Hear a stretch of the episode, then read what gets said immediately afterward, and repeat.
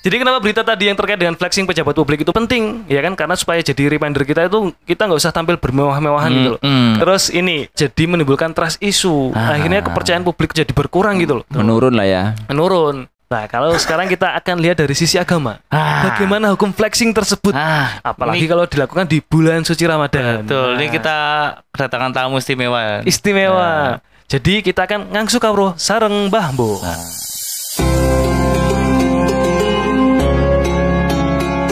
Assalamualaikum warahmatullahi wabarakatuh.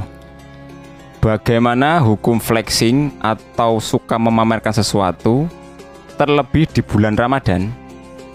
Kita sebagai orang muslim meyakini bahwa segala amal perbuatan akan dipertanggungjawabkan kelak di yaumil akhir. Tapi ternyata bukan hanya amal yang akan dihisap, namun juga segala barang yang kita miliki. Rasulullah Shallallahu Alaihi Wasallam bersabda, tidak akan bergeser dua telapak kaki seorang hamba pada hari kiamat sampai dia ditanya, dimintai pertanggungjawaban tentang umurnya, ke mana dihabiskannya, tentang ilmunya, bagaimana dia mengamalkannya, tentang hartanya, dari mana diperolehnya, dan ke mana dibelanjakannya serta tentang tubuhnya untuk apa digunakannya. Hadis riwayat Tirmizi. Setiap barang yang kita miliki akan dihisap di yaumil akhir. Dari mana barang tersebut diperoleh? Apakah barang tersebut fungsional atau hanya sekedar untuk memenuhi nafsu memiliki? Apakah barang tersebut lebih banyak manfaatnya daripada mudaratnya? Apalagi itu dilakukan di bulan Ramadan. Wallahu alam bisawab.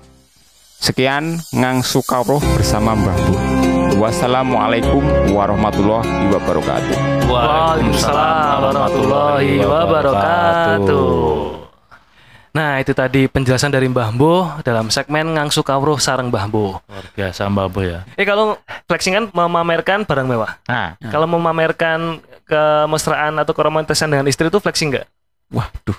Itu barang mewah nggak?